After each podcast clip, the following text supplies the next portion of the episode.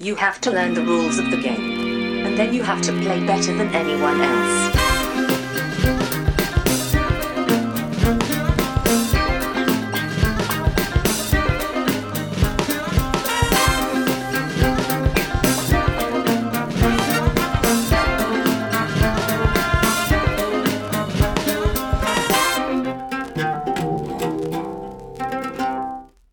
Welcome to Vems tur är det mellan turerna? The podcast where we talk about games. My name is Marcus Brisman and with me as always is my best friend, the Spock to my Kirk, Johan Järryd.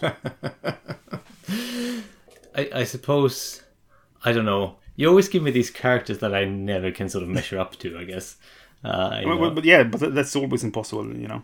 I I am I am not nearly as logical as any of those two, to be honest. Well, I, I'm not as, as butch and manly as Kirk, so that evens out, I think. okay, but we're a good team. That's what matters, right? Yeah, exactly. We're a good team. That, that's all that matters. And uh, I guess Åke is our uh, Dr. McCoy or something. Yeah. Why not? Yeah. The, the third uh, person in our away team, and then there's a, a red shirt who, who will die. Uh, yeah. Okay. Uh, and uh, and who's that? I don't know. Maybe today's uh, guest Dan. Uh, I don't know. We'll see. We'll see. now, uh, our faithful listeners are looking at their the, the, the devices to see if they got the po- wrong pod on, uh, and because we're speaking English. And why are we speaking English? Well, so we um, we're trying a new concept. We're going global with this. No, uh, we it's uh, it's because we have a guest from England, Yeah, exactly. and we thought uh, we'd just do the whole thing in English. Yeah, well, I thought we'll, we'll give it a try. So maybe he can listen to it, and maybe if, if someone else he knows wants to listen to to us, uh, try to speak English. So we, we tried it the whole time. He he's not in uh, gonna come in until the the second um, point in the in the show, but um, we'll start with the English now and uh, ramble our way through. I think. yes, yes. well, when when don't we ramble? Um, Well, yeah, that's true. But we're rambling in, in another, not our native tongue this time. So that'll be. it'll be like rambling, rambling times two. Yeah. exactly. So so uh, bear with us uh, and our bad English, and we, we'll we'll try our best. Yes. So should, should we just get on to the the first topic? Let's go.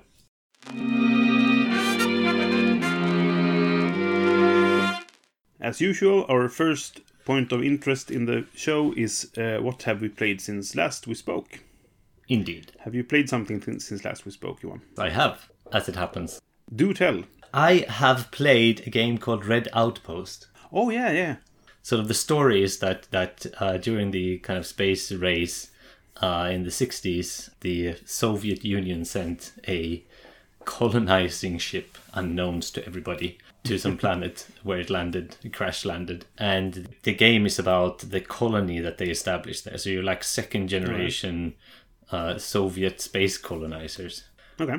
And this colony um, that you that, that that your sort of ancestors or ancestors your your parents more or less built. And the game is uh, is it's sort of a worker placement the game but the Yeah. workers are kind of common if you will. So when it's your turn you place one of the workers somewhere and gain the resources or the stuff or whatever it is. And so one round is basically until all the workers have been placed. The thing with the workers is that they have different kind of morale. So they have a meter where, how happy they are basically.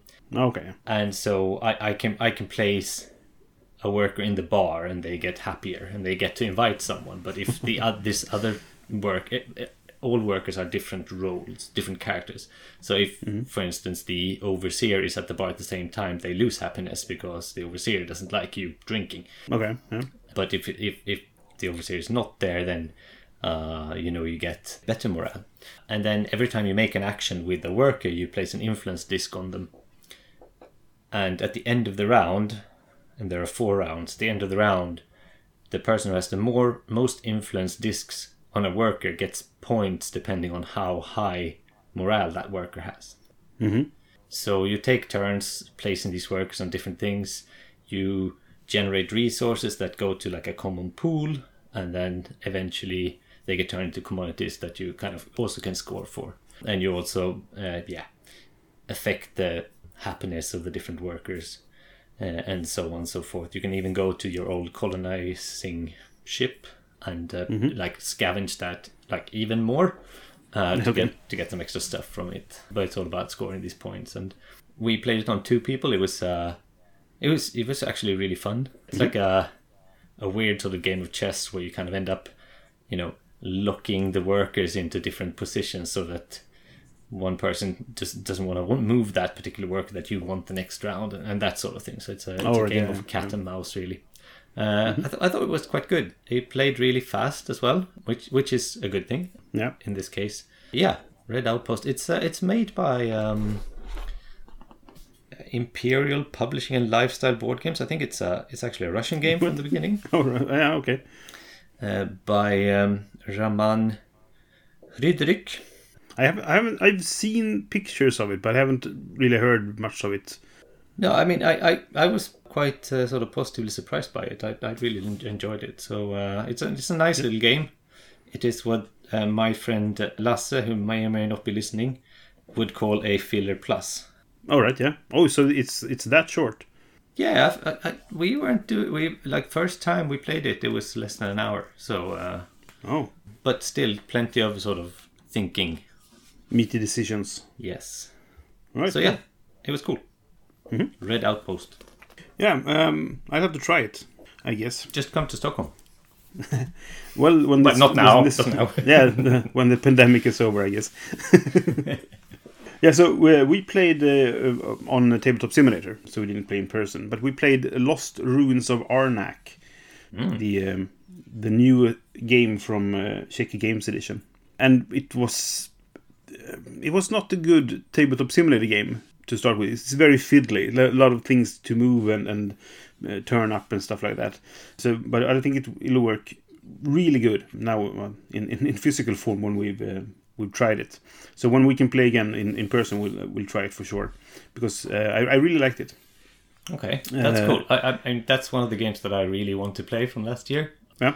And when I first wanted to get it, it was like sold out everywhere. But now they Yeah. got like 50 copies in each of the shops now. So uh, I, Yeah, I think they stocked up because it's it's uh, been, been getting a lot of um, good buzz. yeah, It's a deck builder and worker placement game basically with the theme of of exploring this lost land of Arnak. The basic thing is you have you have the, the deck of cards and uh, you can uh, you, you use the cards to put the the workers out. You just have two workers and you can't get any more. So it's it's the worker placement part is, is pretty small, but you put them out on, on the board to do uh, to explore the, the land and get resources basically. And you can use the resources to do research. You have this track you can do research on basically. And when you move up on, on that track you get more resources which you can use to explore more and you go back and forth basically.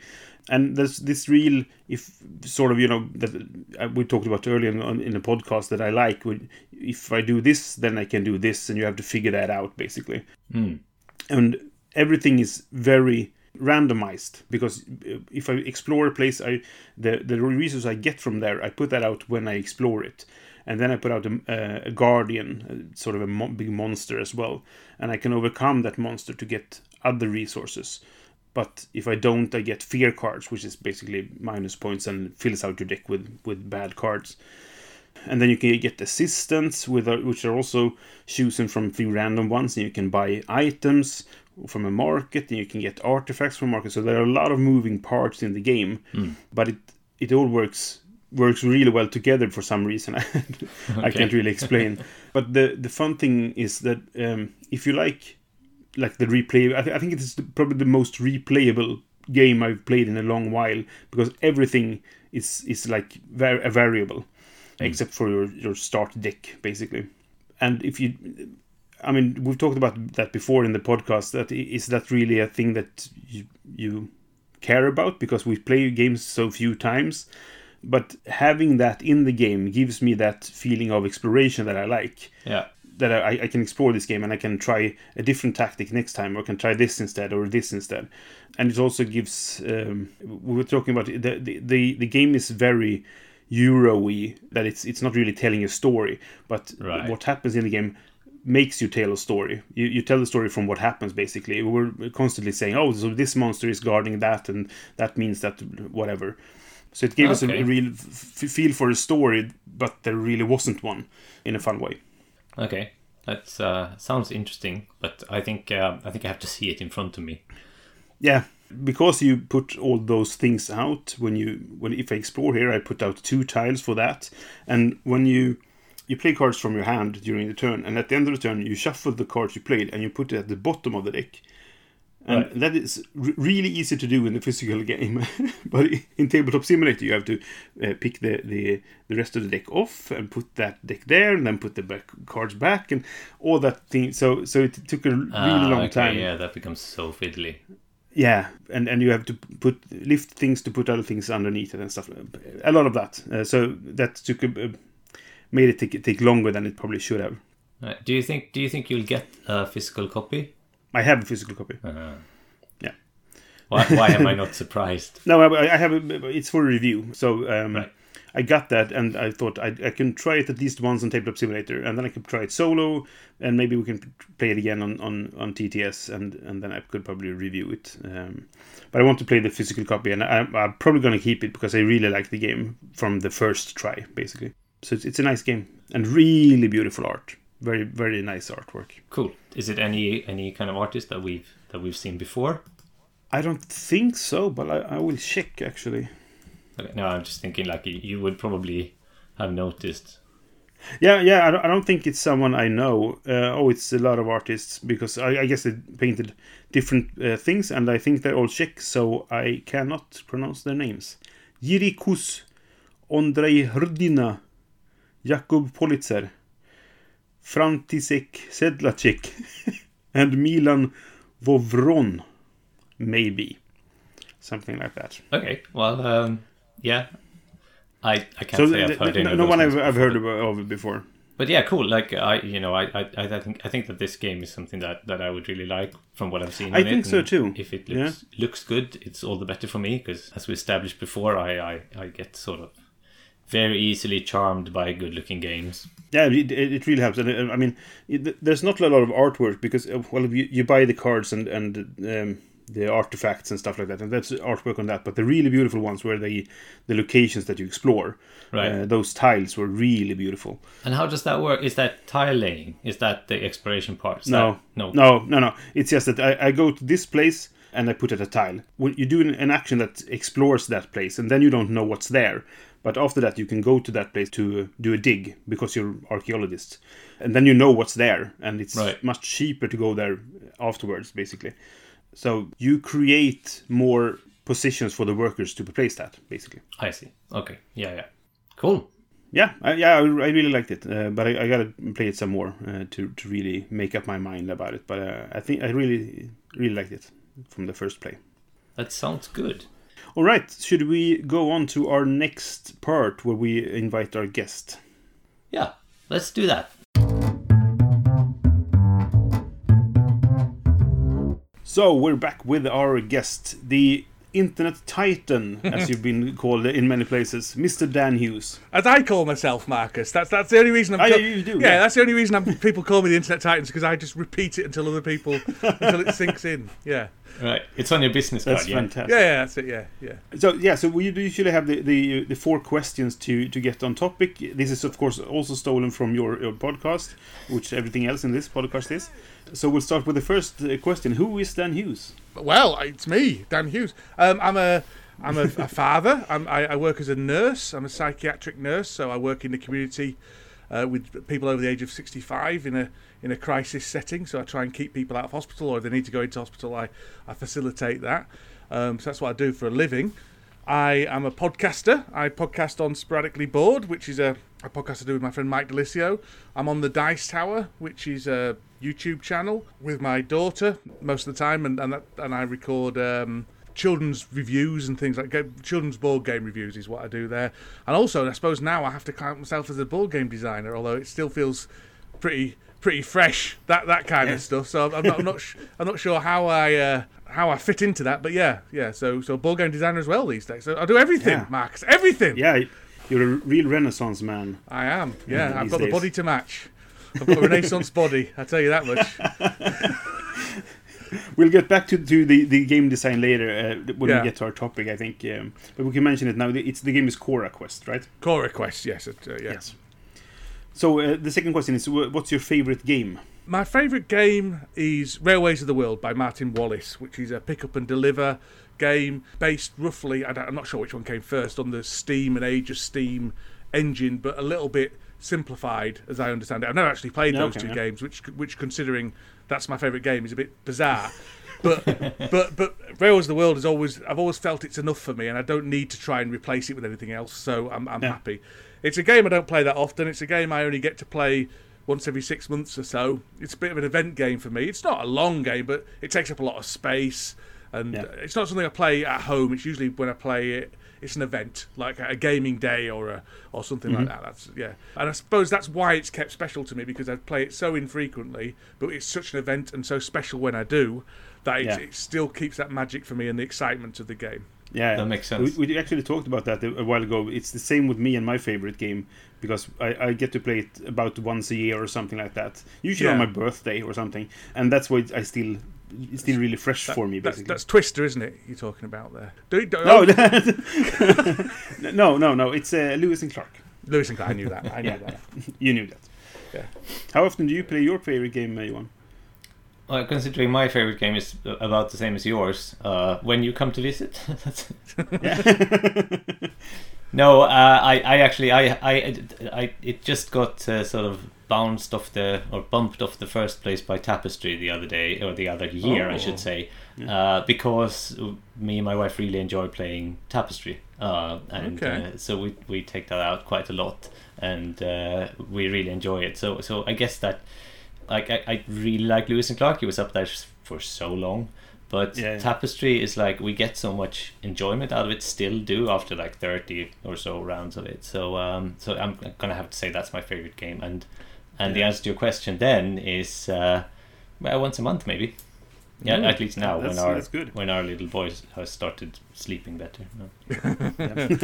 I know that feeling. I'm, I'm, I've never really heard anyone say Tapestry's their favourite game. That's interesting. I'm not, I'm not, I'm not, I'm not, I'm not saying there's anything wrong with that, but, No, but no. it's, it's, it's not. A, it's usually a game that, that invokes passions the other way. If you see what I mean. Yeah, I know, I know. it- It, it's it's one of these things where you kind of it's it's a bit like Marmite, right? You it seem to be a lot of people like really really love it, and there seem Yeah. to be a lot of people that, or maybe more people that really really don't like it. I I think Yeah. I think Yeah. it has to. I think that people have too many expectations on that game, Mm, mhm. Yeah, yeah. That- And I then think that's uh, the main problem. when yeah. they play it, they're not fulfilled, and they go like, "This is not what I wanted." Uh, Yeah. But Yeah. for us, it is exactly what we wanted.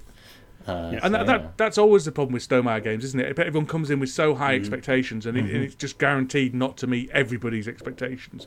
And, Yeah. and it's obviously a game that fits with you. I played it once. I thought it was really good. I'd like to play it again, and I think you- it's probably one of those games you need to play quite close together because I would know I have no idea of strategy yet again. you know what I mean? yeah, yeah. I think it it bears repeated plays. I suspect. yes, it, yeah, it, it gets better the more you play it. I think. I mean, Yeah.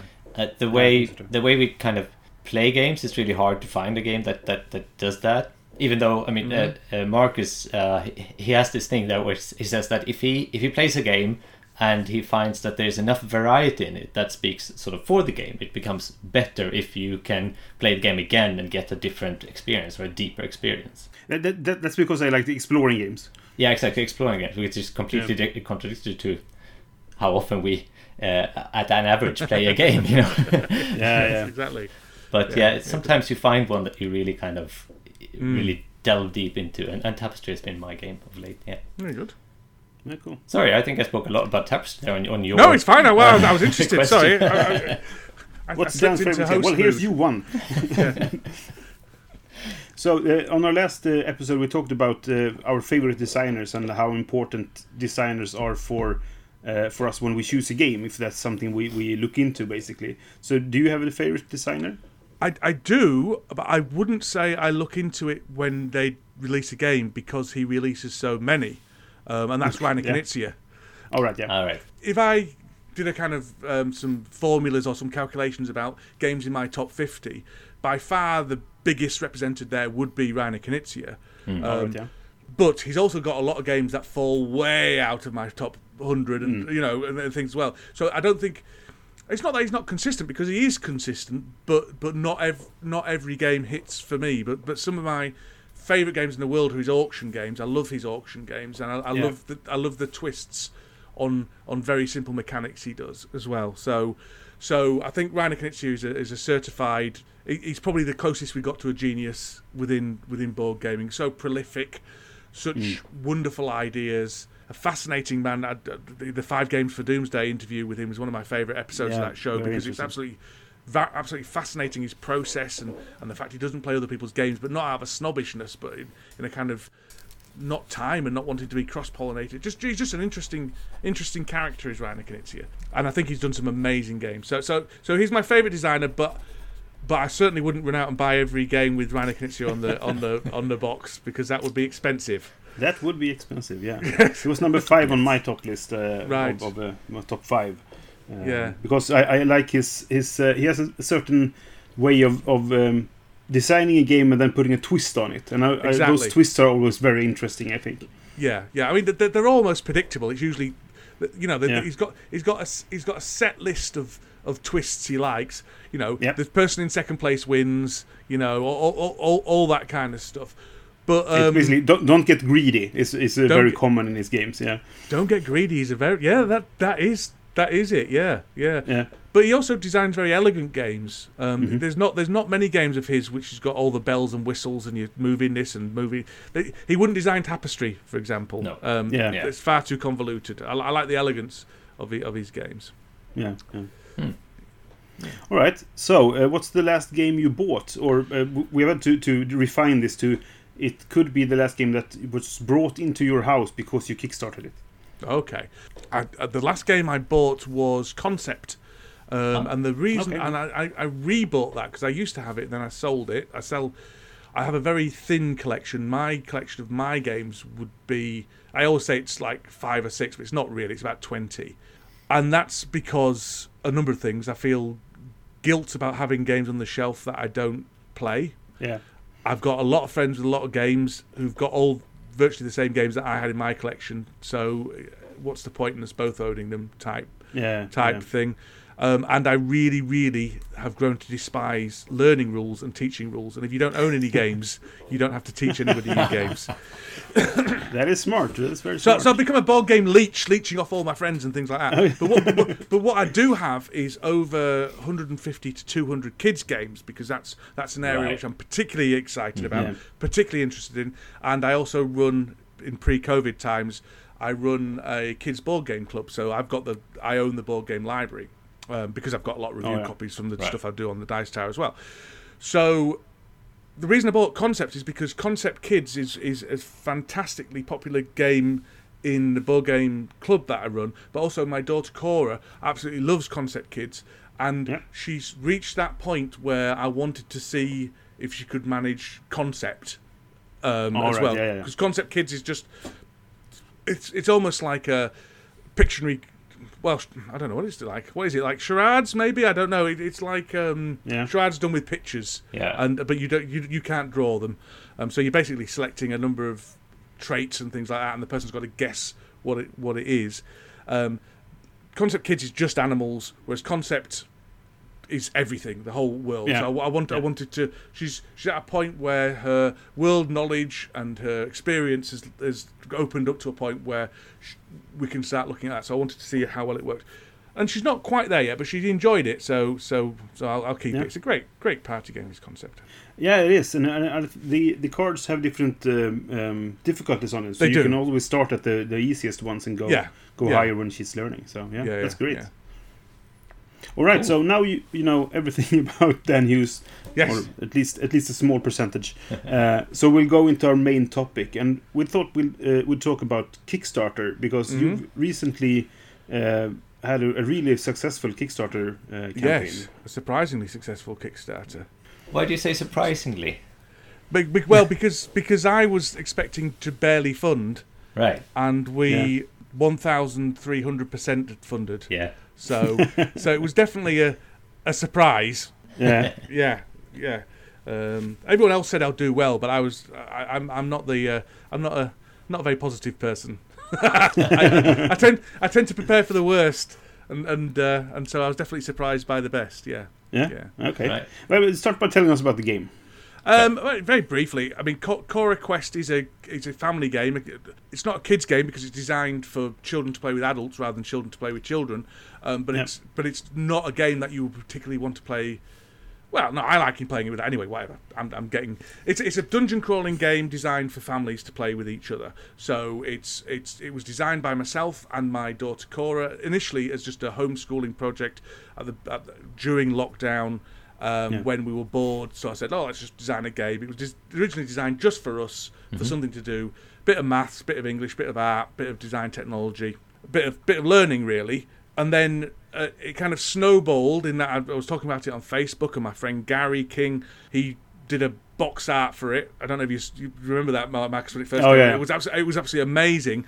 And then the wheels in my brain started ticking, and I started thinking, well, you know, maybe it could be a real game. And then play tested it, which you were involved with, Marcus. Play tested it, lots of sending it out to other families, that kind of stuff.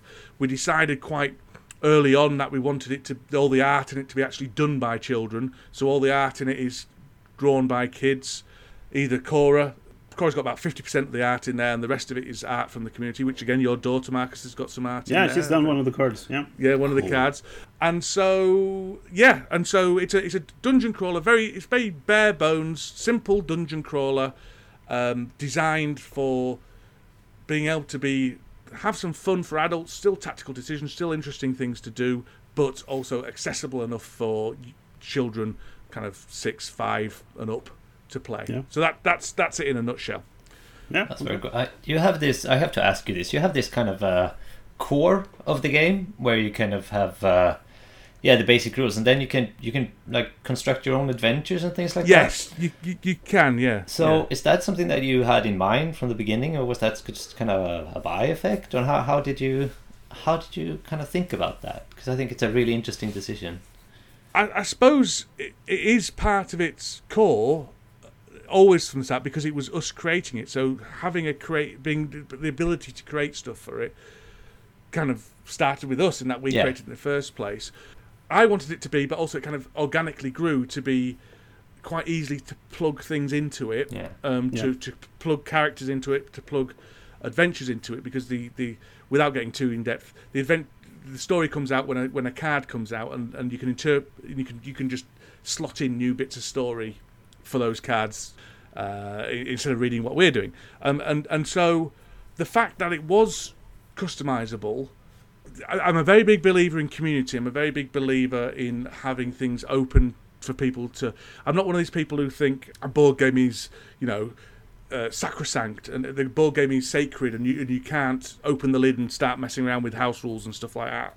And so part of the wanting commu- the community to, to do the art for it and things like that is we wanted to we wanted to replicate the experience, the joy we took in creating the game for other families, and so by leaving the, the key in the ignition and the key, you know, the, the, the bonnet up and letting people get underneath there and, and making it very easy to slot their own stuff in, means that it acts as a game, but it also acts as like a not not a formal homeschooling thing, but you know, a creative exercise to play with if you want to. You know, if you want to make your own adventures, if you want to create your own characters, um, then you can do, and, and you're encouraged to. And we've got an app where you can you can you can do your characters and print it out because kids like their things to look official, and kids often Oh, yeah. one of the one of the big barriers for children to be creative is to they think they're not good enough. Well, I can't do it really Right. well, so I won't do it at all. And and and one Hmm. of Gary the artist, one of his jobs is to encourage creativity in other people. You know, that's one of his kind of lines of business. And Right, so so right. the ethos right from the beginning was about encouraging creativity in others. Yeah. Very cool. And I, I think that was a big part of the, the reason the, the Kickstarter was so successful. Yeah. Uh, the, the collaborative nature of it and, and the, the uh, community feeling uh, involved. Yeah, yeah. I, th- I, I think that's right. I, th- I think I had. I was in a position of privilege for the, for the Kickstarter in that not only had I gained I don't know people's trust, but not, not only had I become somebody people knew what I was about for four or five years before I even launched. So I was a known face to a certain number of people, as was Cora. Cora was a known face to, to a certain number of people. I'd, I'd built up a community of um, within my podcast as well, who were who were who felt felt connected to me, and also I was able because of my work with the Dice Tower. The Dice Tower were happy for me to talk about the creation project process of the, the game, even from before it, we thought about being a Kickstarter on their hmm. channel. So, so there's a, there was a huge advertising platform there, Right. which no one else has really got access to. So, Yeah, so I've had a massive advantage going in. Now, that advantage, I would argue, while I do see myself as being in a position of privilege, I also spent five or six years building that advantage up for myself, pr- cre- creating free content for people, Yeah, of course. Yeah. Developing links with people, and not with a cynical mind of, aha, in six years' time I'm going to do a Kickstarter and exploit all. You oh, know, Yeah. it was it was like like yourself. You genuinely put stuff out because you enjoy chatting and you enjoy building a community and you, Yeah. you enjoy interacting with people. Mm. And so, mm-hmm. to a certain extent, some of the some of the success of this Kickstarter has been me cashing in on on that that goodwill. Really, Yeah, your investment. Right. Uh, yeah, yeah, basically. yeah. Which again, uh it comes from a very genuine place, and it was never, Oh, yeah, of course. never cynically made. But I am in a position. I was in a position of privilege going in, and there's no doubt that that has been significantly responsible for the for the success.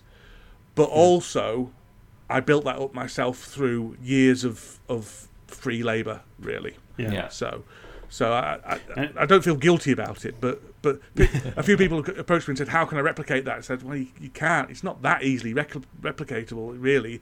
It's build a presence Yeah. within the community and and and and and a reputation for being a genuine human being, and you can't.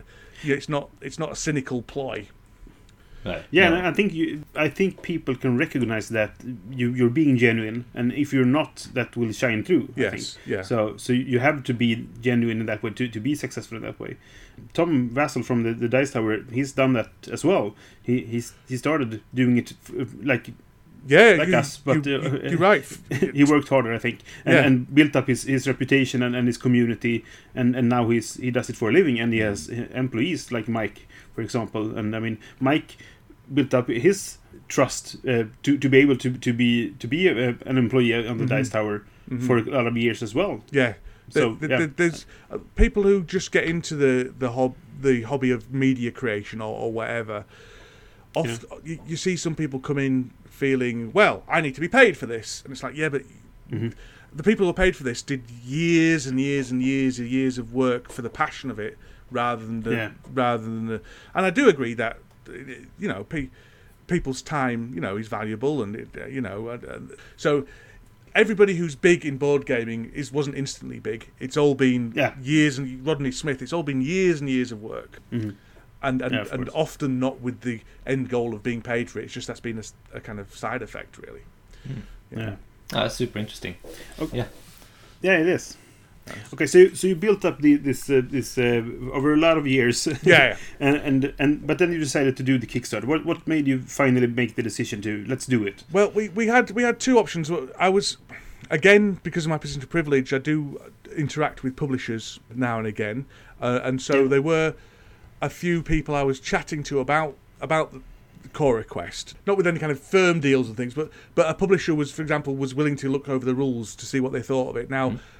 The, the man on the street, unless you've built up that network, you know, it, it's not as easy to, to get a publisher to do Yeah. that. But anyway, so we did think, oh, should we see if a publisher will take it? I mean, initially we thought, well, it'd just be a print and play. We wanted to give it away for free. Again, this Oh, yeah. core ethos of, of creativity and things like that. Look, you can do it. Here's the programs we use to do it, so you can replicate it. Gary's going to do some of the art for it and, and, and just give it away for free. Which you still can get it for free because it is still a print and play. You can you can download now. But then but then we start thinking, oh well, you know, after playtesting, oh, this is really good. I think I think there's a place for this. There's not that many games of this ilk in the in in the market. There's lots of dungeon crawlers. There's lots of kids games, but there's not many kind of Ameritrashy games for children. Um, there's not many Yeah. narrative-driven games for children. There's, there's Mice and Mystics. There's Stuffed Fables, but even then, they don't go as young as Cora Quest do. They're not quite as simple as Cora Yeah. Quest does.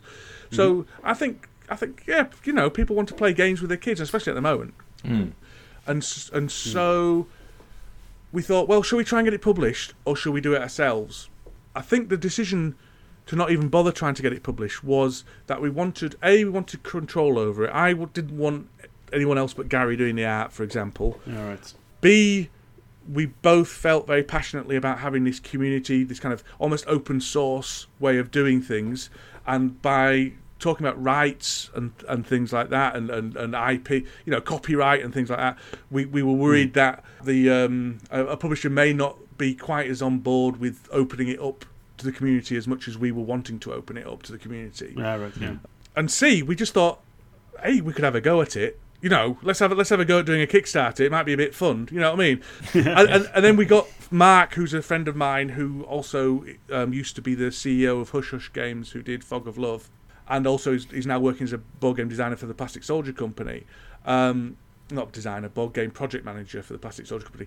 He was willing to come on board and help us deal with because the thing about Kickstarter is you need to be able to actually manufacture it as well and, and, and produce it.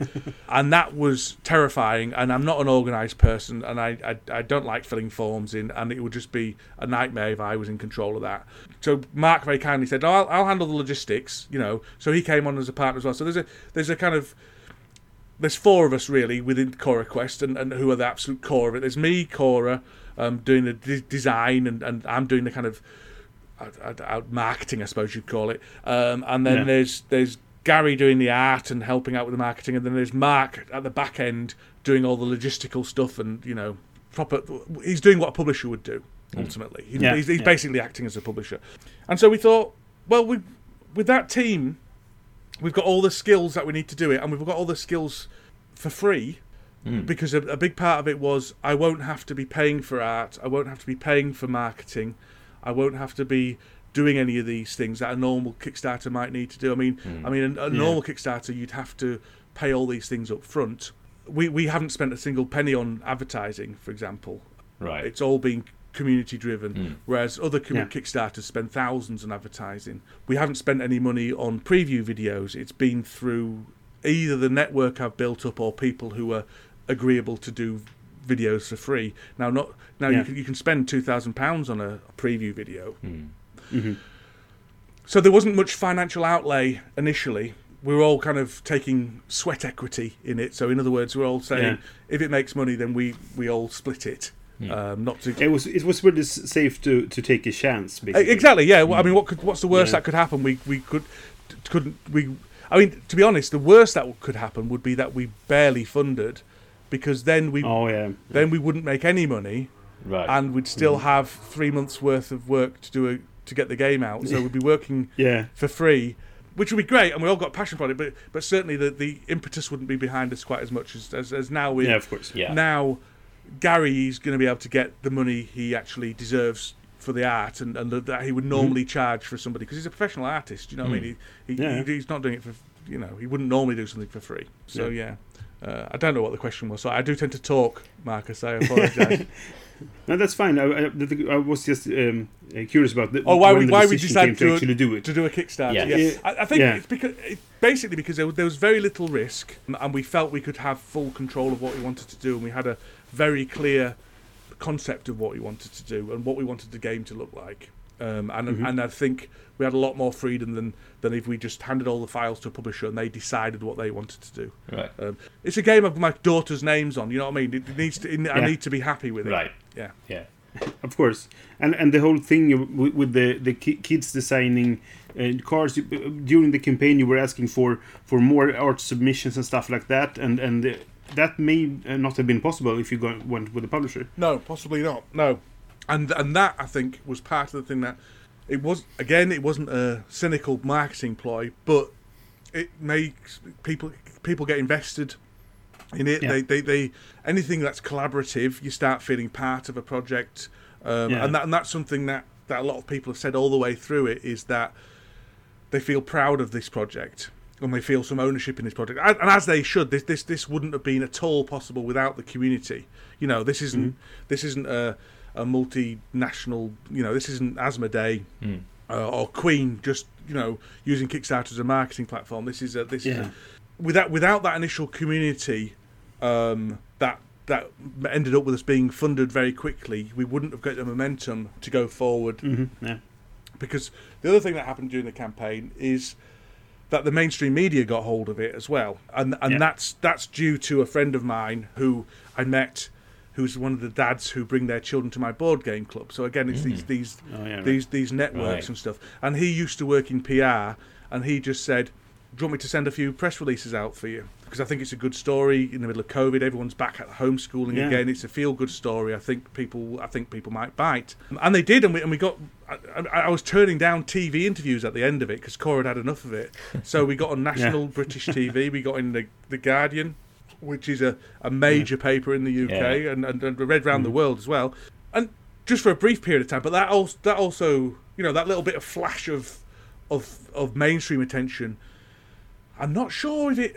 I think well, I, I know that some people came to us from there, but I think the main advantage of that was any time, as you know, any time that board gaming's mentioned in the mainstream media or there's a board game in the background of a TV program or something like that, Uh, all of board game goes, look at this, we're we're being talked about, and, and, and that gave being seen. that gave more publicity to the campaign than than you know five thousand pounds on on Facebook advertising ever would have done. for sure. Yeah. Um, and I think that's where the real value of that was yeah. in, in alerting others to the, the what was going on. It was a fun thing because uh, I, I shared when the Kickstarter started. I, I shared it in a few Swedish board gaming Yeah. groups, and then I think it was uh, one of your TV appearances. Uh, someone else shared that that I, I don't know at Mhm. all, Yeah. and I really liked that because someone saw that and then they spread it in in Yeah. Swedish uh board board gaming groups, Yeah. and, and that was a real lift me up for me to see that someone else was uh, sharing it as well. No, it's incredibly exciting, and, and we someone sent me a link to the Italian Mashable. I don't know if you know Mashable. It's like a it's a it's a Yeah. ma- it's All a right, major. I didn't even know Italy Italy had had one, but they do, and and so we got a load of surge of interest from Italy and stuff like. It's just just it just started organically moving, and that's Yeah. why. So so the, the the reason behind the success of the Kickstarter, in my opinion, is a I think we're we're scratching an itch that isn't being scratched.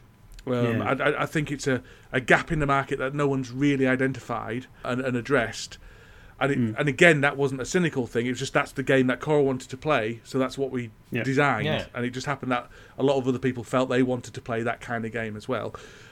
B, I think we got the community involved, and, and that gave us that initial push. And then and then there was a C is the the obvious. Um, I've built up a number of trust within within Yeah. within the board gaming community, and also the I, as I say, I cannot downplay the u- usefulness of, of, of the Dice Tower letting me talk about it Mm. yeah. once every two weeks on, on, on their, their channel. I mean, Mm-hmm. only for two minutes once every two weeks, but still, that's that's a lot of exposure that most people can't get yeah, yeah. and then the the momentum got because as soon as it hit fifty thousand pounds, that's a nice round number for the media to get hold of, and then that Oh, yeah. that's that's when it starts. You know, big success. If it was Dad launched a crowdfunding campaign, then they, and they may well fund at, at Right, twelve thousand pounds. I don't think it would have been. It wouldn't have been picked up. It, it's the fact that Yeah. it was a nice big number, and they could they could talk about it and It's a success story. a success story. Yeah, Yeah. yeah, Yeah, a- uh, yeah. a kind of. So, I think we have been genuine all the way through. We certainly that's been our intent. We we haven't tried we haven't tried to be corporate. We have tried to be open. We tried to be honest. The the game's available for people to download and play, so they can test it. You know, Yeah. It- there's nothing hidden there. We're not hmm. trying to pretend there's no game. And and people, all the feedback on the game has been good. I, I genuinely think we've got a good game there as well and uh, you know it's on tabletop simulator and all that kind of stuff. So the rule book's there for people to read, and and you know and and, and the story's quite a nice feel good one, and it's a relatively low price, so people feel they can take a Yeah. punt on it and and all that kind of stuff. It's just a, I think we just caught lightning in a bottle. Really, I think we just caught the Yeah, the, per- so too, the yeah. perfect storm of a product that people wanted at a time where this kind of thing will resonate, and it just kind of did a lot better than we thought it was going to do. Yeah. Yeah, but at this point, it's it's kind of a feel good story. Yeah, It could make a- exactly. A, great movie, basically. Exactly. yeah. Yeah. So uh, about the uh, the Kickstarter platform, did you ever consider any other platform or any other sort of crowdsourcing way of? Not really. No, there's Indiegogo, but that's not really got the audience. No. The Kickstarter Gamefound we would have seriously considered if it had been two years down the road. I mean, they wouldn't. They wouldn't have Yeah. considered us Right. anyway because they because they're being very selective on on who they're taking on, um, and they're just a new a new platform. So Kickstarter was really our only option. I mean, the Kickstarter platform is shocking. I mean, the, the, it, it it's just bad. It's just bad. Okay. Uh, the, the, the, there's a number of things that you know.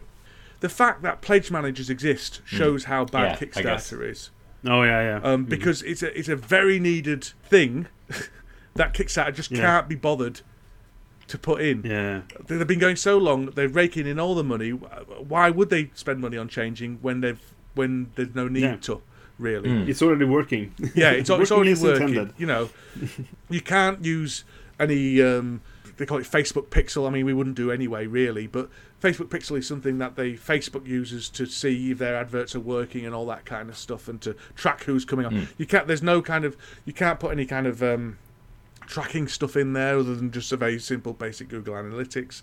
Yeah. The reason everyone always has images for all their text and things like that is because the the, te- the editor's just shocking Right. it, it, it, it's like trying to make it's, it, it's basically like making a website 15 years ago um, is Oh, is yeah. is right.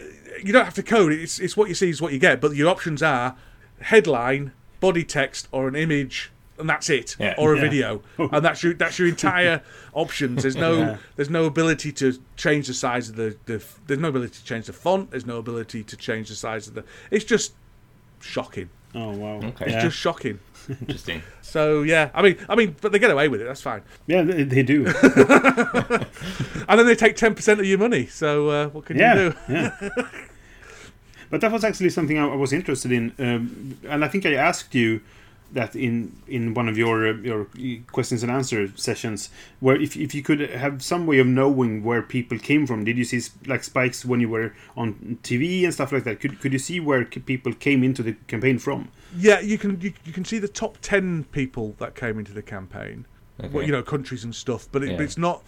To be honest, if we turned on the Google Analytics, I mean, we did everything that people, we did everything wrong, basically.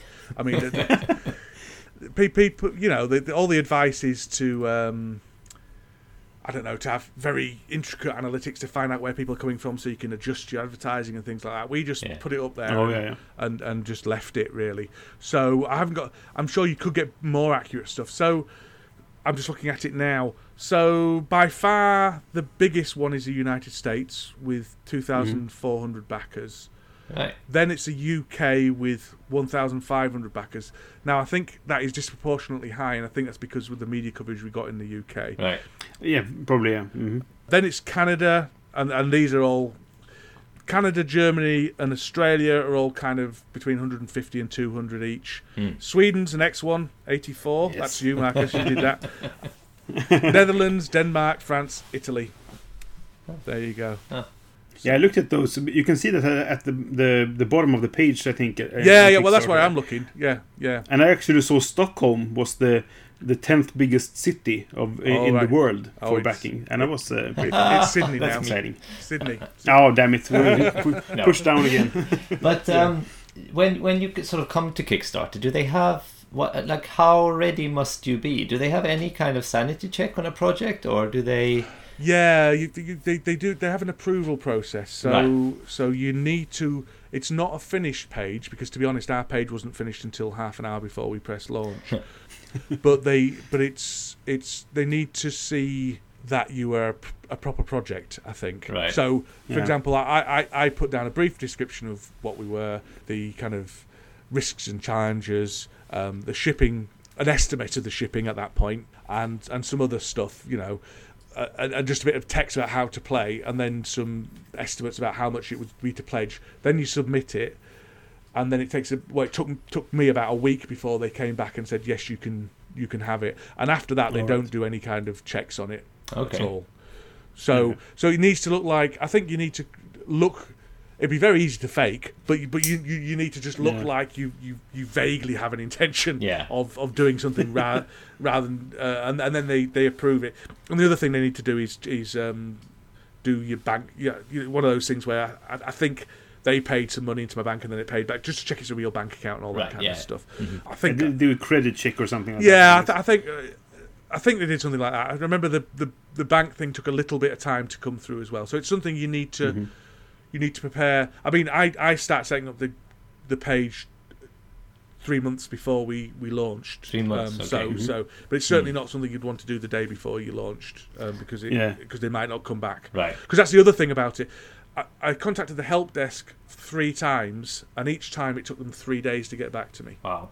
Oh yeah. So if you're in the middle of a campaign and something goes wrong, in fact, we were in the middle of a campaign and something went wrong because because someone else's header was on our on our actual campaign. Oh, really? The the Yeah. the, the clinic header. If you went in on Chrome and you'd already visited the page before, for some reason, the Uh-huh. clinic expansion header came on instead of our header, which was like Okay, weird. Okay. Yeah. But yeah, it took, took actually it took them took them about a day and a half to reply to that. But but if that was something even more serious, then that could have been a lot of backers. You Oh, lost yeah, over for that sure, period for of sure. Time. Did you start like a company to do this, or are you doing it as a private person? I'm, I'm, I'm that's what my job is tomorrow is um, that stuff. I'm a s- I'm, I'm what they call in the UK a sole trader. So in other words, I'm self-employed. Yeah. Mhm. So the plan is that all the money comes to my bank account, which we've warned the bank about Yeah. beforehand because that's a lot of money, Yeah. and they're certainly Yeah, not used to seeing that much money come into my account. I'm, I'm going to sh- I'm, I'm going to shift it to another account.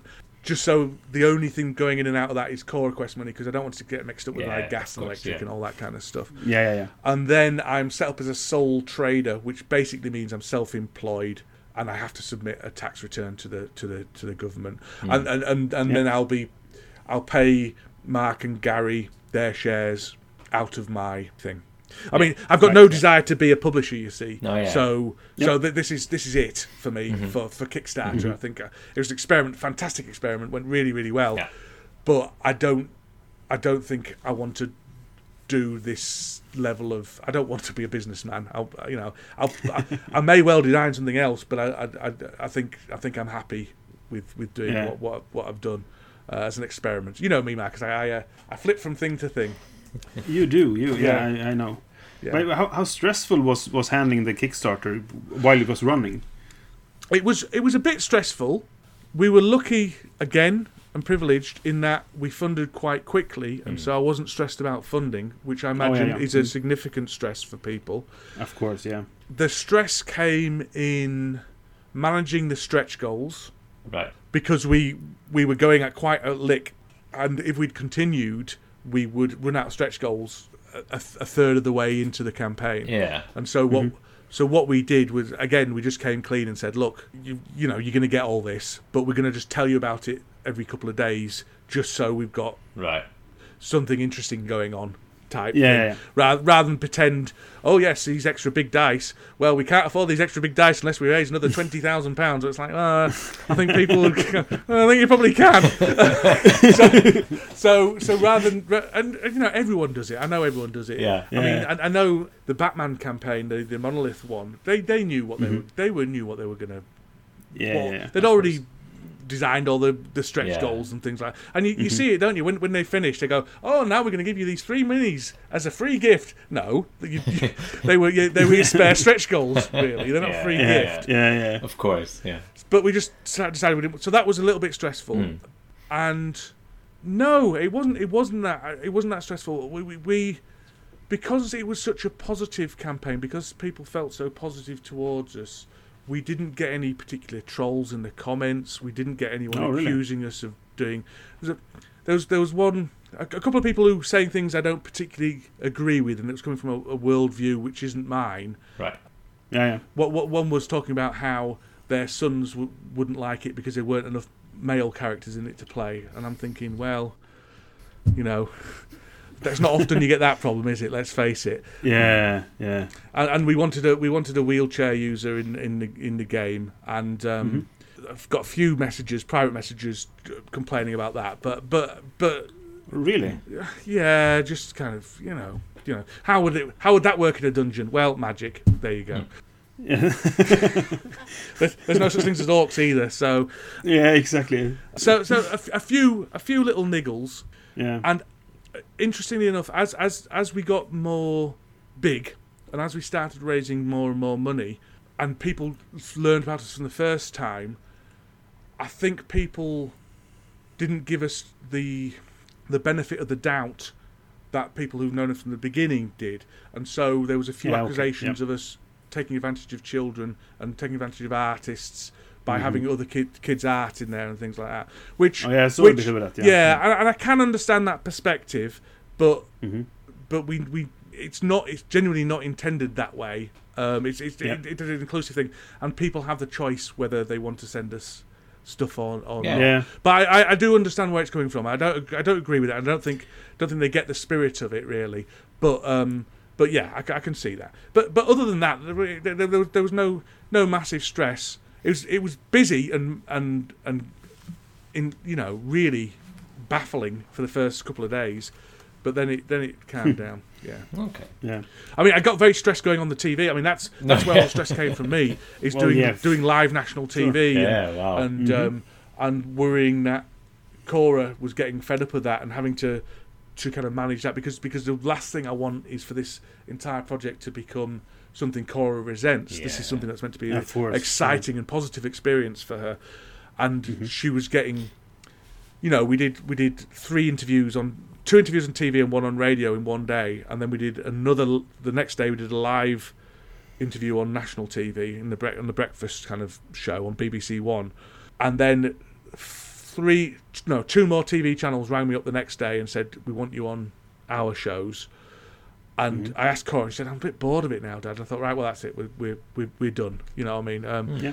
because because uh, last thing I want is it to be you know me saying come on you've got to you know you know being a pushy parent really you know Yeah, it, yeah, it, yeah. it has to be exciting for her Mhm. Yeah, of course. so Yeah, it all Wow. started with her, um, or with the, the homeschooling thing. So, so that, that's a good thing. yeah Uh, exactly So, uh, what, what was were the, the biggest challenges when, when starting the Kickstarter or, or during it? The biggest challenge of starting it was getting everything ready on time with deadlines and things like that. The the art is very in, intensive and Gary was doing a lot of things on the fly and things and that was that was quite quite a stress for him and and and quite stressful for me not to be constantly saying is it done yet? Is it done yet? You know and trying to take a trying to take a step back. So I think that was Yeah. the biggest that was the biggest challenge. It's been a full-time job for the last 3 months as this. I've been spending you know upwards to 25 to 30 hours a day on it one one Yeah. um, and and that takes its toll. Plus, I'm working full time as well, and plus at the moment And homeschooling. and homeschooling. So I've got Yeah. three full time jobs at the moment, which Wow. means I'm not doing much else. And and I Cora guess, Quest, yeah. uh, we still need to finish off Cora Quest, and we, I'm desperate to get it done for the, the deadlines we set ourselves. And so Yeah. so there's still another three months of me solidly working on it Of course, yeah. it's good because initially it was all the design, then it was all the marketing with a tiny bit of design kind of underneath it all, and now it's back to all the design again. So it it, Yeah. it I felt like it's been a break in the middle there where I've been doing something different.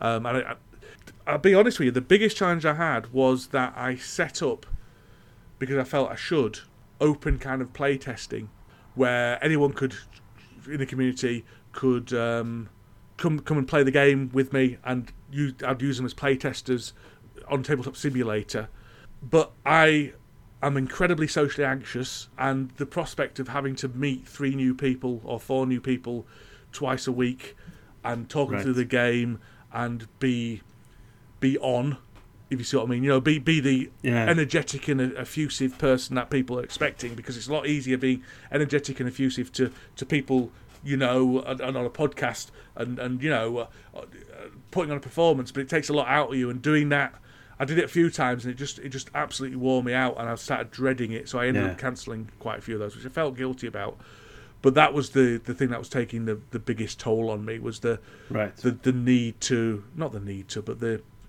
the play it wasn't even playtesting it was it was it was half playtesting half demoing really and Oh, and, yeah, and it, yeah. it just exhausted me absolutely exhausted me so that Mm. was cha- challenging Wow. yeah, I bet. but that wasn't during the campaign that was on the lead up to the to the you know to the campaign Yeah. Yeah.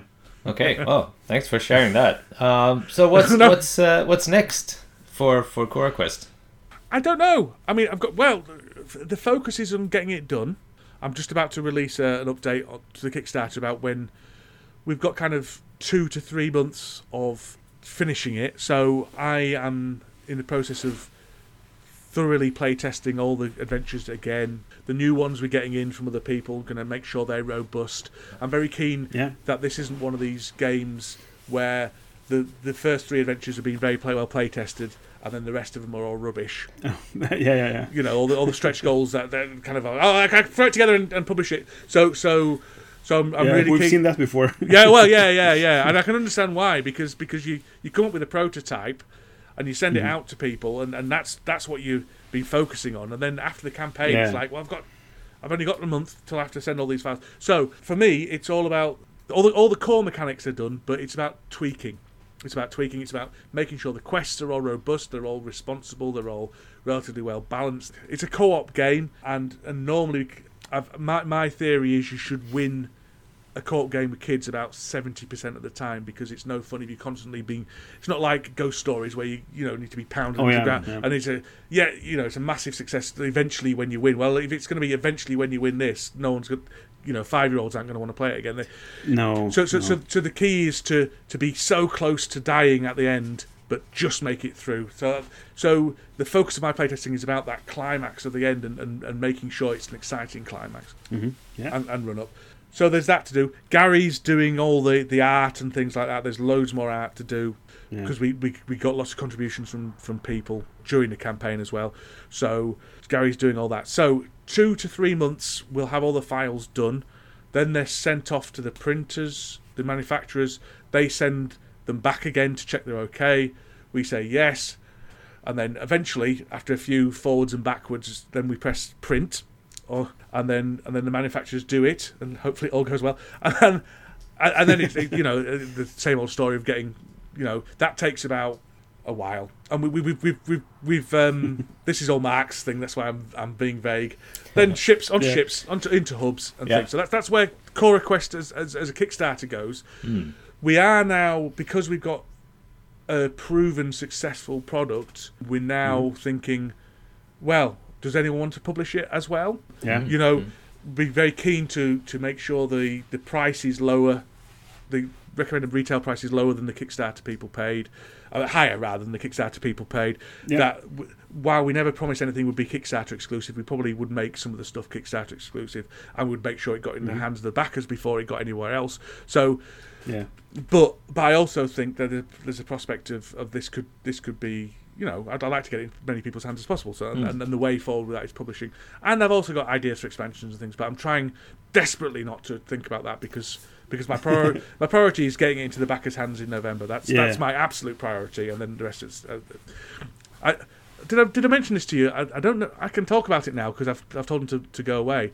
Did I mention to you about the, Alright. the TV stuff, Marcus? No, I don't think so. I got I got approached by a couple of Hollywood writers who write for the Disney Channel and Nickelodeon. Really? Yeah, they're freelance writers, but they, they write for the Disney Channel and Nickelodeon. This was near the beginning of the campaign.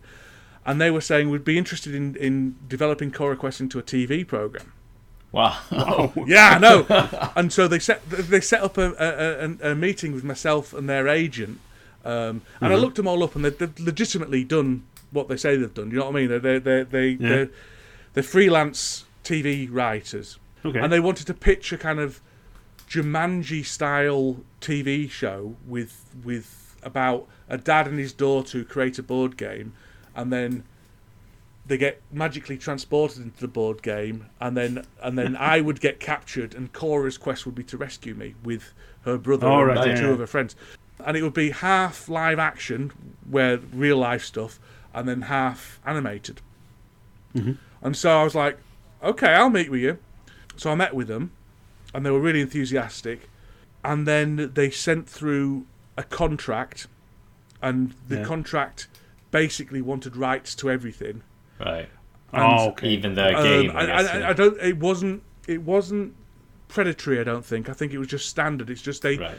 So I said, Probably, well, yeah, I'm, not- I'm, yeah. I'm, you know, they wanted rights to, well, film, TV, not not rights to. They wanted for a year. They wanted exclusive negotiating rights, basically. So they, in other words, to Okay, protect yeah. me from going to someone else and saying, "Would you like to pitch this idea?" So they wanted to have Mm-hmm. the only the only the ability to pitch this exclusively, and then after that. If, if, it, if someone wanted to be interested in it, then would renegotiate and, and think about fees and stuff like that. So, I mean, this isn't a do ball game, is it? But it's, I, I, found it fascinating the whole process. It's, it's Uh, fascinating. yeah, yeah. So, um, So I was like, okay, and, and people kept saying, "Oh, it'd be a Netflix special yet," and I went, "Ah, yeah, well, it might be." Um, so, so, so this process went on for a while, back and forth, and I said, "Look, I, I need it explicit. My entire priority is getting this game out, and also maybe as a secondary life as being published by somebody else, you know.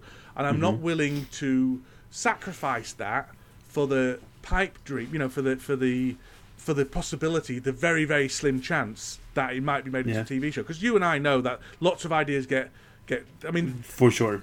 get touted to TV channels and, and never mm-hmm. go anywhere Yeah. at all. So I'm not willing to sign Yeah. away all my rights to this this thing for the next year and a half on the off chance that it, it might go somewhere. And, and and they've been very nice and they've been very accommodating. And then I had to sign something to let the newspapers and the TV uh, with a media agent to to let them.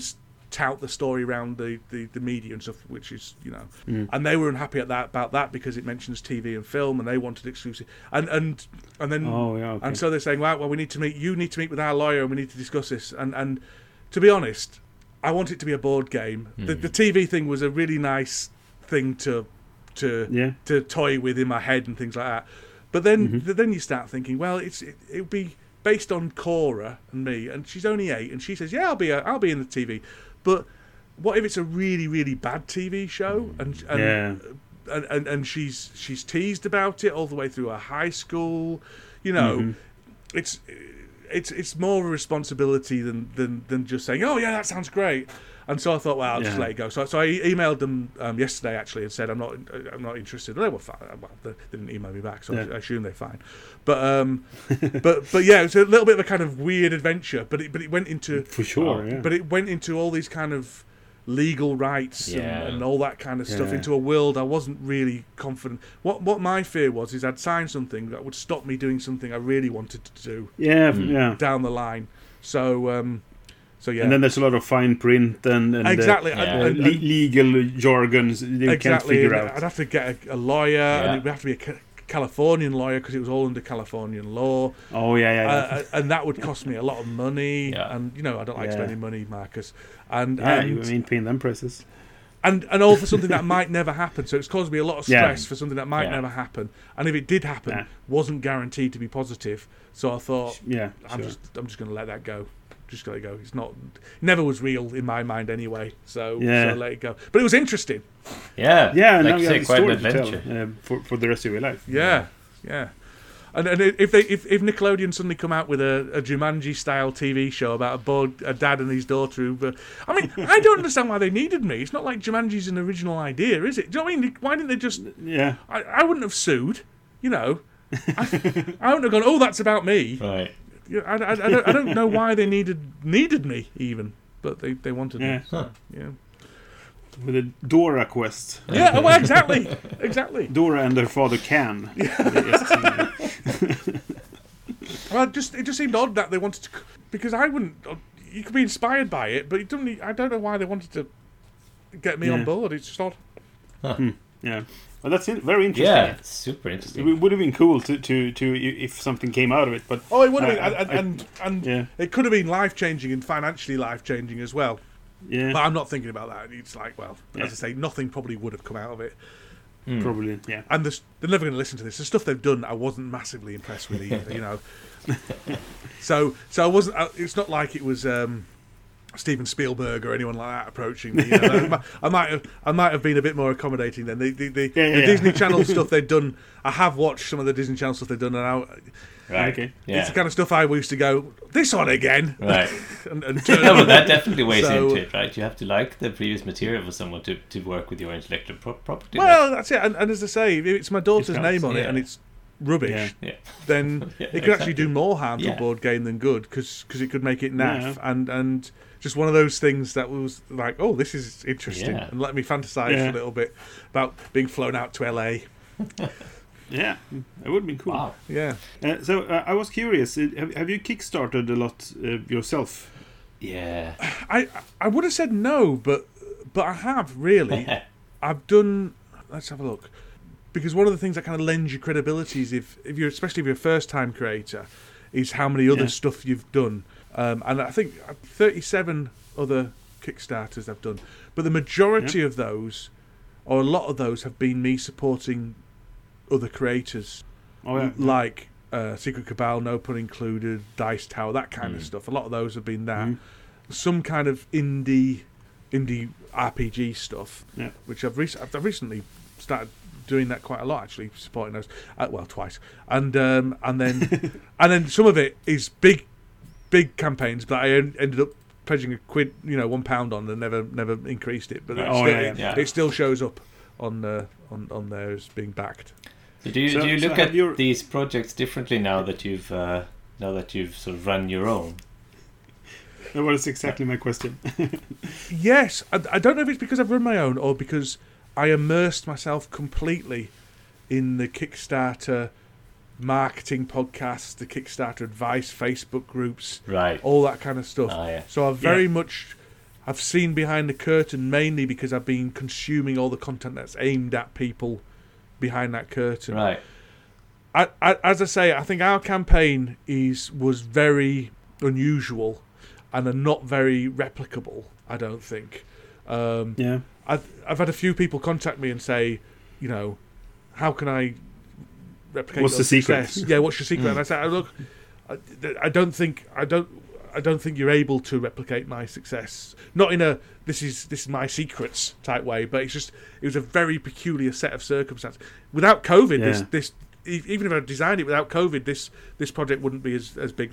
People are spending so much time with their families now as opposed to Yeah. and using their families again. You know, all sorts of stuff that Yeah. that that that have uh, impacted on its success. So, and that while I'll take credit for community building, um, I a lot of it is circumstance uh, and luck. Yeah. I think. Yeah, but, no, I definitely do do look at the Kickstarter world very differently. I also look at the small projects a lot more favourably and sympathetically than I would have done before, Right, yeah. and and and know the amount of work that's gone into them, and f- Hmm. feel sad when they don't don't you know take off really, because Yeah. there's a lot of very passionate people that trying to make their way on Kickstarter, which is you know my my experience aside is increasingly becoming quite a corporate environment for big companies to do their pre-sales rather than Mhm. small people to, to, to make passion projects and I Yeah. just happened to to catch a wave which allowed me to make a passion project but but as I say I think I think it's a dying breed really that's one of the reasons why people were so excited about it, it is because because it was it was clearly was a passion project and one that people felt they could get behind and, and lots of people said this is what Kickstarter should be for not for the Yeah. not for the Exactly. CMONs and Yeah. the, the Queens and the Strongholds and and whatever yeah Um, and and the, the, the project could have quite easily actually just drowned in the in the Yeah. amount of other stuff, the the big stuff. If we hadn't had, had that swell behind us at the mm-hmm. beginning it would have done. Mm-hmm. Yeah. because you need you, you, you the the algorithms are such as if you don't get the attention at the beginning, you're never going to get the attention. Mm. But but by mm. having that swell behind you, the algorithms push you up the the, the rankings. Yeah. The magic For, ranking. for yeah. suggest suggested to you and all that kind of because Yeah. we were Mhm. we Yeah. were trending at number two in board uh, on the entire Kickstarter for a while and things like that. And so then yeah. and so then people will see that when they just visit Kickstarter, click on it, and then you get more backers and things like that. Whereas if you're trending at number 258, you know, Yeah. you're not going to get tho- that natural organic lift. Hmm. Yeah. Yeah. So so Yeah, that's, it's, that's very interesting. it's it's va- well all, all the all the Kickstarter groups and things will all say it's vital you get you get funded in the first two days ultimately otherwise you're, Oh, you're okay. only going to limp through limp across the line if you don't if you don't get funded quickly then it it, it yeah a, a, a, a- a pound at the beginning is is worth seven or eight pounds by the end if that makes sense because of the okay, yeah, yeah. because of the momentum Mm. that that will Mm. will take you Mm. Hmm so so so when you when you're running a Kickstarter, the, the key is, and I had a chat with um, again another example of my privilege with Frank West who did Isle of Cats. He messaged me and said, "Do you need any advice?" So you know, I, I jumped, you know, I said, "Yeah, yes, please, yeah." And and he was he advised me to do a, a Kickstarter launch party type stuff where Cora and I pressed launch and then did a Q and A and and and people were interacting with us and getting Mm. excited Mm. about it and things like that. Everything to and, and, and emphasize to everybody and everything that I put out how important it was that in the first couple of days, ideally the first hour, that that people backed because it was such so much more valuable. Because it's all about momentum. Is Kickstarter? It's all about momentum. You know, you need people talking about you, and in order to talk about you, they need to be able to see you. In order to be able to see you, you need to be prominent. So if you if you start Mm-hmm. off damply, then then you're going to struggle all the way through. And I think we would have done. I think we would have done if we hadn't had that community behind us. So so it's Mm. Yeah, maybe, thanks yeah. to them. So, so Yeah. as a backer, if you have a, if you really believe in a project, the earlier you go, go in, Yeah. the, the much, the more you support your the, the creator of that project. Yeah, That's, that's exactly. interesting. Uh, uh, oh, even if it's just for a, p- even Yeah. if it's just for a pound at the beginning, Yeah. or, or but, Yeah. but but but the, the more the more you visit that page, the higher it will go up. The more the comments is the other thing. If you if you really believe in a project, going back every day and commenting is absolutely invaluable because because the the, the algorithm takes into account comments as hmm. well. And things Oh, like that. yeah. Um, so so it'll, it'll push it right back there. So so yeah, as a backer, if, you- if you believe in a project, then then certainly go in at the beginning because it, it's it's worth significantly more than somebody who comes in at the end. I mean, grateful for everybody to, who who backed. Don't get no, me wrong. yeah, and, and once and once we'd funded, you know, I was happy. But the curve for Kickstarter, the, you see the funding all the time. It's it's steep at the beginning, very flat in the middle, then steep at the end right. Yeah, yeah, yeah. and that's people coming on board, and then people just picking it up organically, and then at the end, it's all it's usually I think people who have pledged for a pound and increasing their money, or or you know have put remind me when it's nearly ending because they wanted to see what the stretch Uh, goals yeah. were before before. Yeah. So it's people who have found been interested before, and then and then come in at the end, and then and And I that. forgot about it. And Yeah, yeah, back. exactly. Yeah, yeah, Yeah. yeah. And I think a lot of board game media also has that, like like the Dice Tower has the the crowdfunding uh, show. Yeah. And they, they usually do these things are ending in the next week. Exactly. Yeah. So I think a lot of, of, of the, the last ones comes from that as well. I think you're right. Yeah. Yeah. Yeah. And you, you were very active in the comments um, during the campaign. Yeah. Did, did, did that take a lot of your time? Not really, because there was three of us. So me and Mark did most of that. It was a case of every every. And plus, you know, I'm a narcissist, Marcus. If someone's saying nice something nice about me in the I comments, I'm going to go and say thank you. Yeah, that, that's a really good thing for us because you, you're going to be listening to this episode like a hundred times. I will. Yeah, So yeah, yeah. That'll be a lot, lot of listens for us. Yeah, exactly. I yeah, I mean, listen, listen to me. I'm great. Yeah. So, yeah, no, I did. I'm not, and and I because I felt that it was important to to maintain that link with the community and and and and acknowledge people saying pleasant things and address any concerns that people might have. So so Yeah. yeah, yeah. So I think it's important to to be on the ground really. If you're Yeah. expecting people to to back your your project, then it's important for you to communicate Yeah. with them and thank them. Yeah. Yeah. Yeah, I, I think so too, but I don't think everyone does. No, no, and they're fools. They're fools if they don't. Yeah. yeah. Yeah. Well, a lot of people, are, a lot of people are just corporate entities, aren't they? Really? Hmm. Of course. And, yeah. and and even when they do reply, it, it comes across as vaguely, vaguely corporate and fake because there isn't any genuineness Mm. yeah, behind it. Yeah. Um, yeah, yeah. All right. Do, do you have any more questions, you want? No, not really. I think uh, I think Dan's answered them all and and more. yeah. So uh, this So- has yeah. been I do talk. I apologize. no, this has been really, really. No, no, that's fine. That's Uh, we, really, really have you on enlightening, for that actually. reason. Uh, it's actually very much what uh, I wanted to learn from from from this conversation. So thank you very that's much good. for that. that's that's fine. So do you want to stick around for for our, our next uh, Yes, of, I uh, do. I do. Yeah. Unless you want to switch, just you, you can switch to Swedish if you want, and I'll just sit here and nod as well. No, no, No, we- we've committed to English in this episode. So yeah. Okay, Yeah. fine. I appreciate it. It's very kind of you. Okay, so we'll go on to our next segment with a little tune.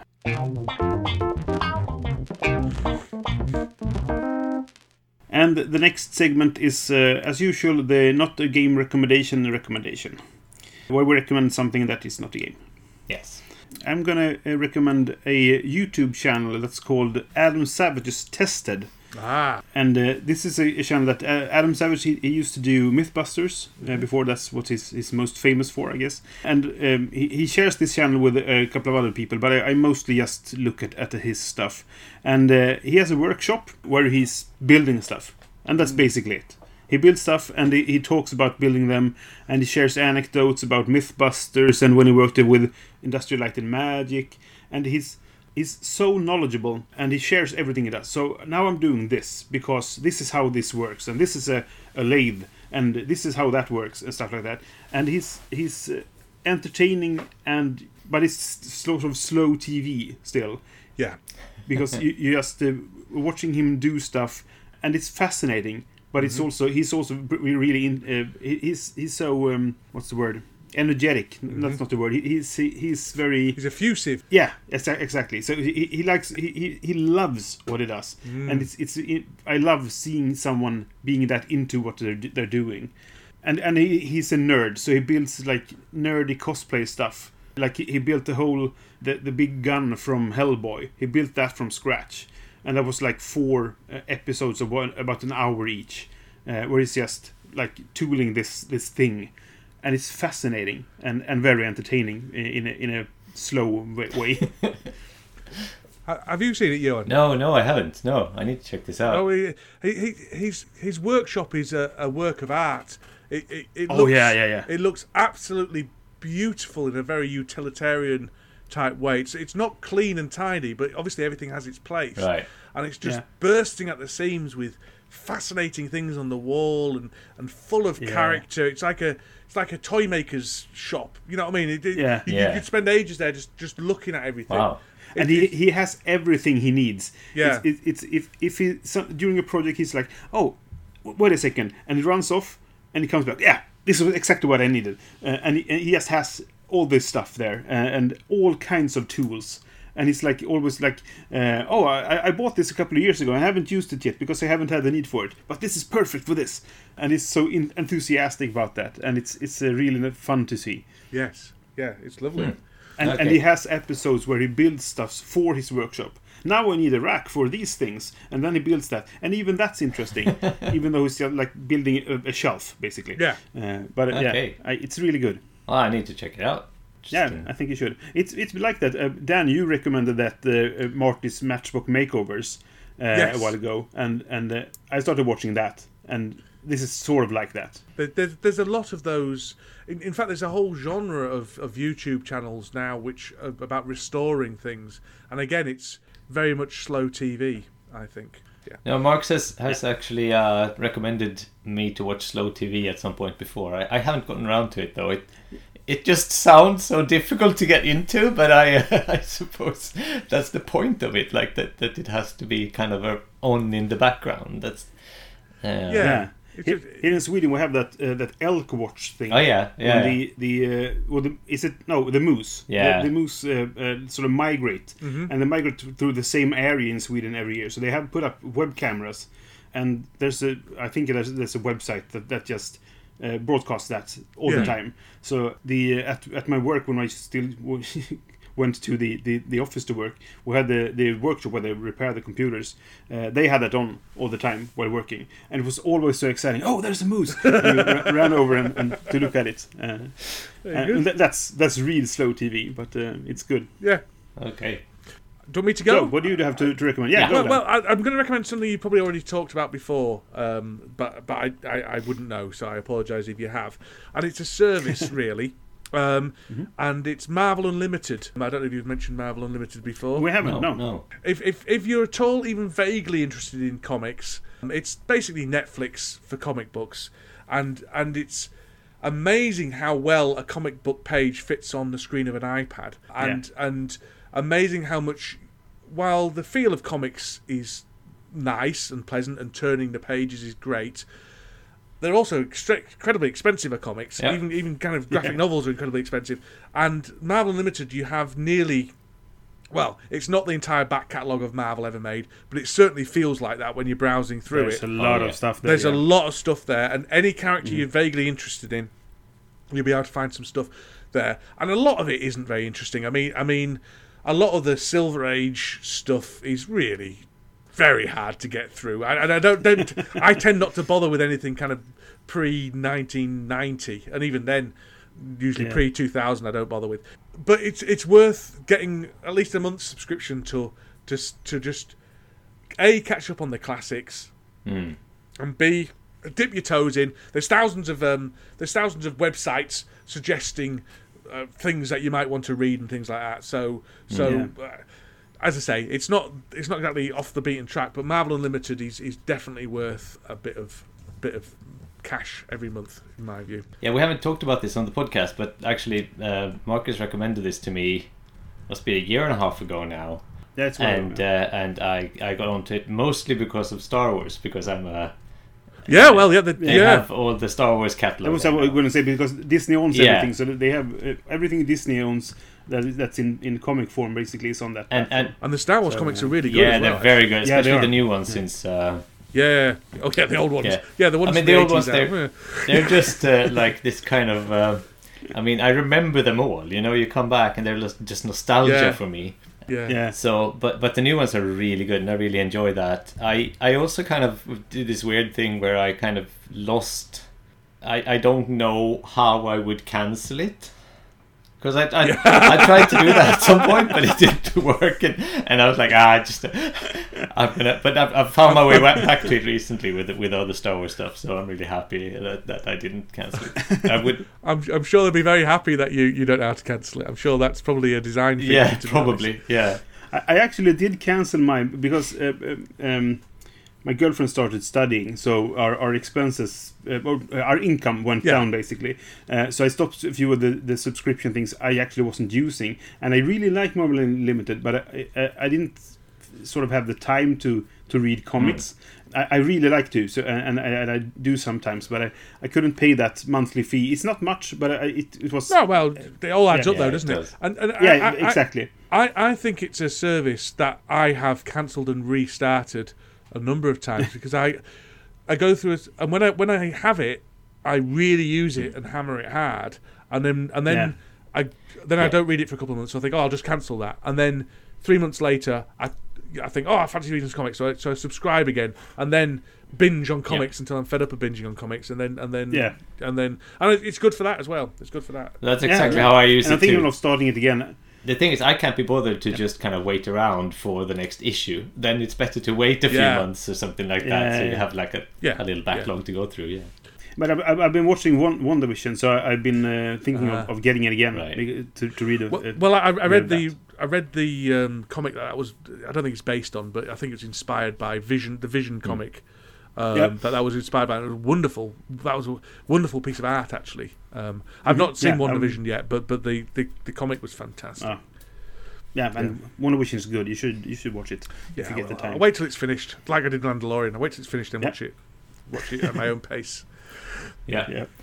Okay, so my recommendation is a little bit uh, sort of. I, I I don't know if it really holds its own against yours, but here we go anyway. It's it's a book. I'm gonna hold it up. It's called Creative Selection, and it's by a Okay. a, a guy called Ken Kocienda, and he was uh, basically hired into Apple as they were working on like their uh, their kind of well basically everything past the um, Apple computer, uh, the first Apple or Apple II or whatever it was called.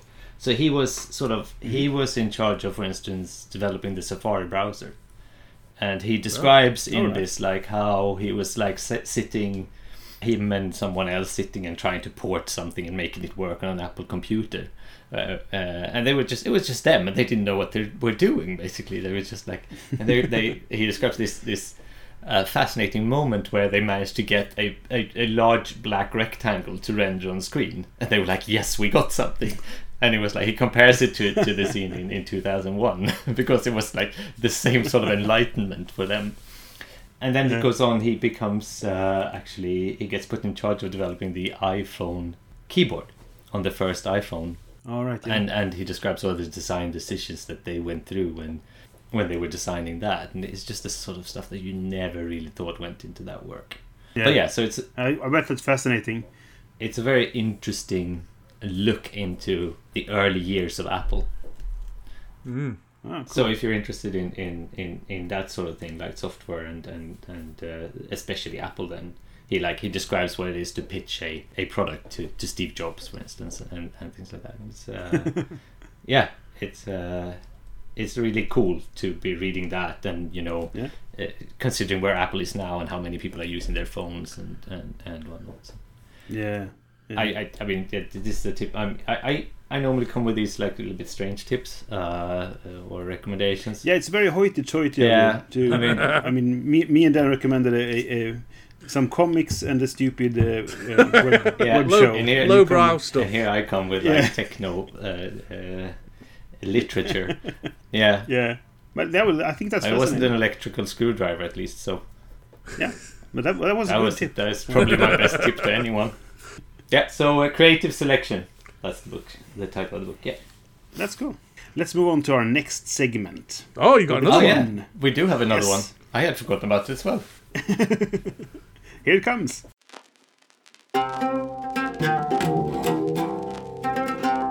So the the last segment is as usual. What uh, game are we looking forward to playing between now and the heat death of the universe? we had to put that in as well because you one uh, had to, to ruin everything by saying, "Well, this isn't coming out in a while." So, um, Well, my, mine's not coming out from for a while to- either, so so I, I'm I'm I'm, that- I'm, that's fine. I'm I'm fine with the heat death of the universe. okay, so uh, you can start, you one. Okay. Uh, well, I'm, I'm think I'm going to tap into my sort of um, unreceived Kickstarters again, and it's a game Yeah. I nearly kind of fubbed my uh, pledge manager on, but I think I'm getting it now at least. Uh, and it's called Shogun no Katana. I, it's it's a game that I like. I I you don't know this about me, Dan, but I'm I'm very much about theme and uh, and looks of a game, and uh, Uh-huh. not Shallow. Yes, yes, yes. I'm shallow. exactly.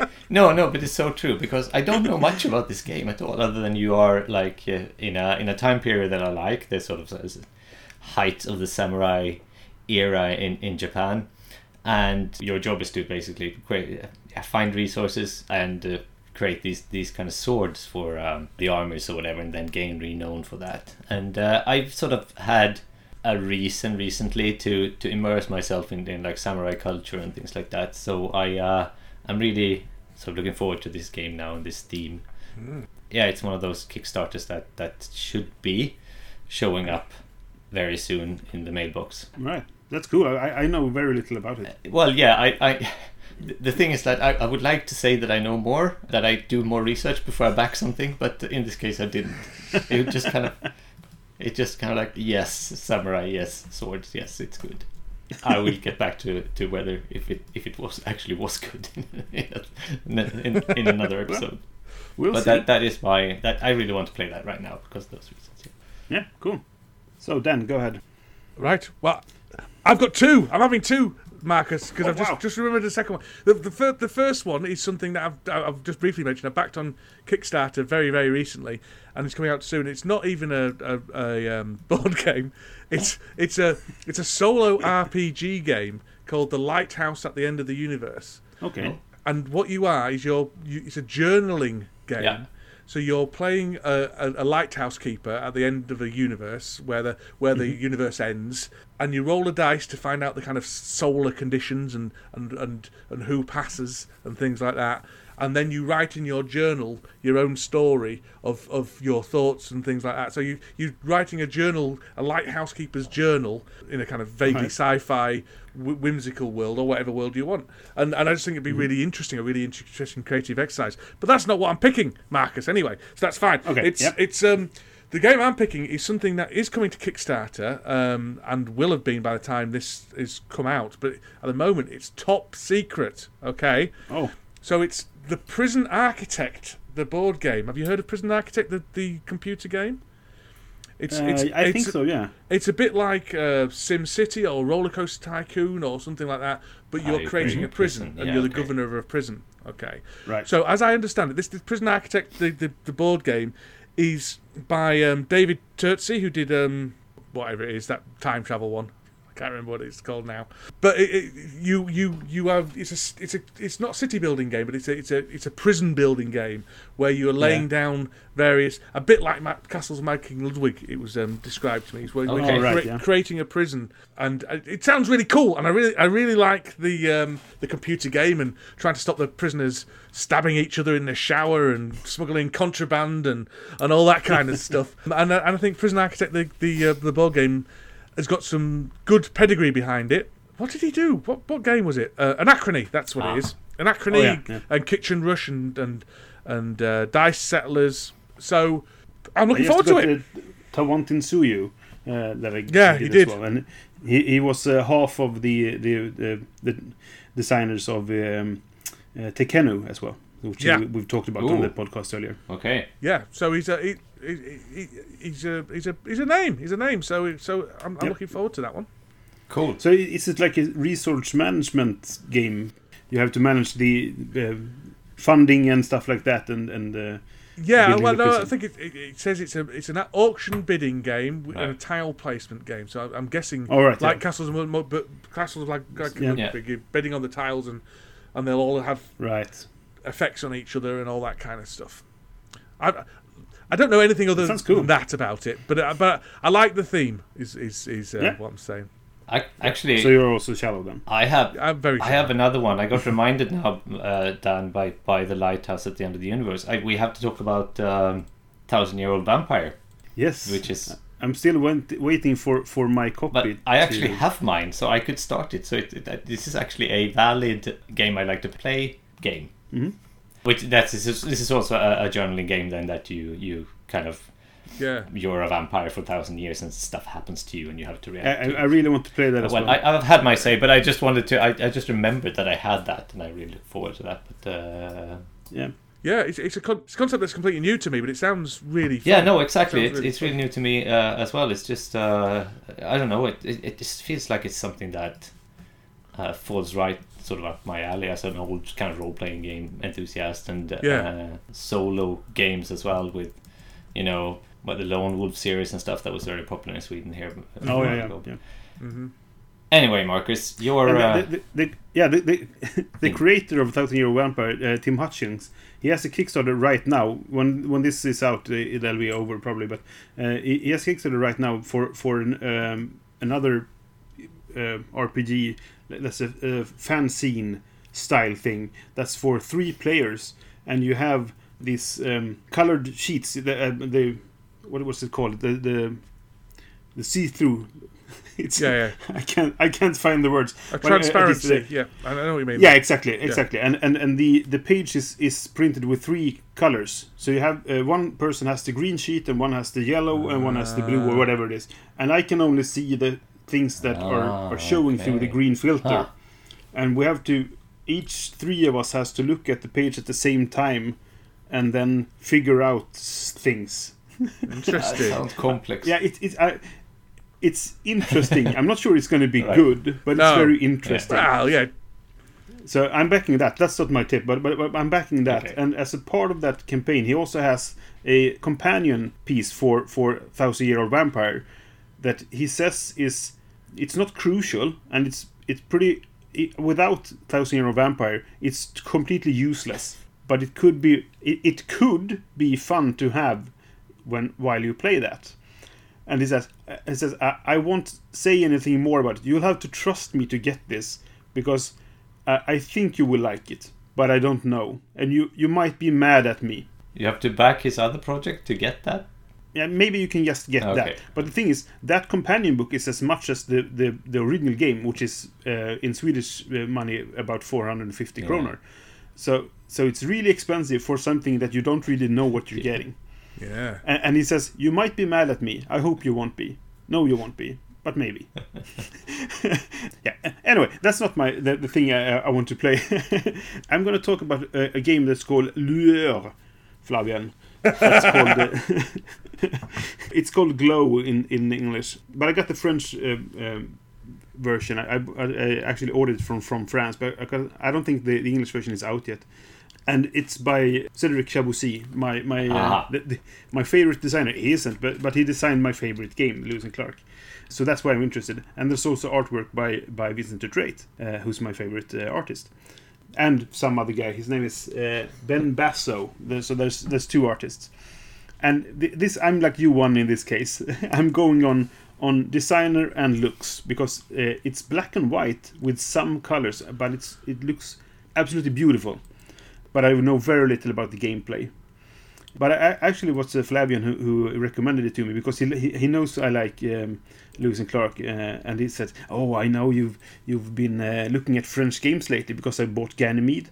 So he's, he's recommending me every French game he thinks it looks interesting, and it looks really interesting. So I'm, I'm keen to play that, uh, but I know very little about the gameplay. I'm just going on on uh, aesthetics It, basically. it does look very interesting. I, I don't think I like Yeah. the dice with the rest of it. That's the I, I, that, it's a bit clashing because everything is black and white, and then there are very colorful dice. yeah. But but uh, yeah, But I'm sure it fits. I, I I want to try it because it's it looks uh, interesting. Is it on Kickstarter or can you get it in the store already? I bought it from a, fr- a French store, Okay, okay. uh, but but I think it's only out in in French. Uh, but uh, the, there's no language in, in the game; it's just the rules, I and the see. rules are available in English. But it, it will be called Glow when it comes out in English. Uh, but now it's Lueur, or however that's pronounced in French. Ah. Okay, Okay, good. So that's our recommendations. Oh no, the recom- that's the games we want to play. Yes. yes. and not the recommendations really. You, dear listeners, you can play whatever you want.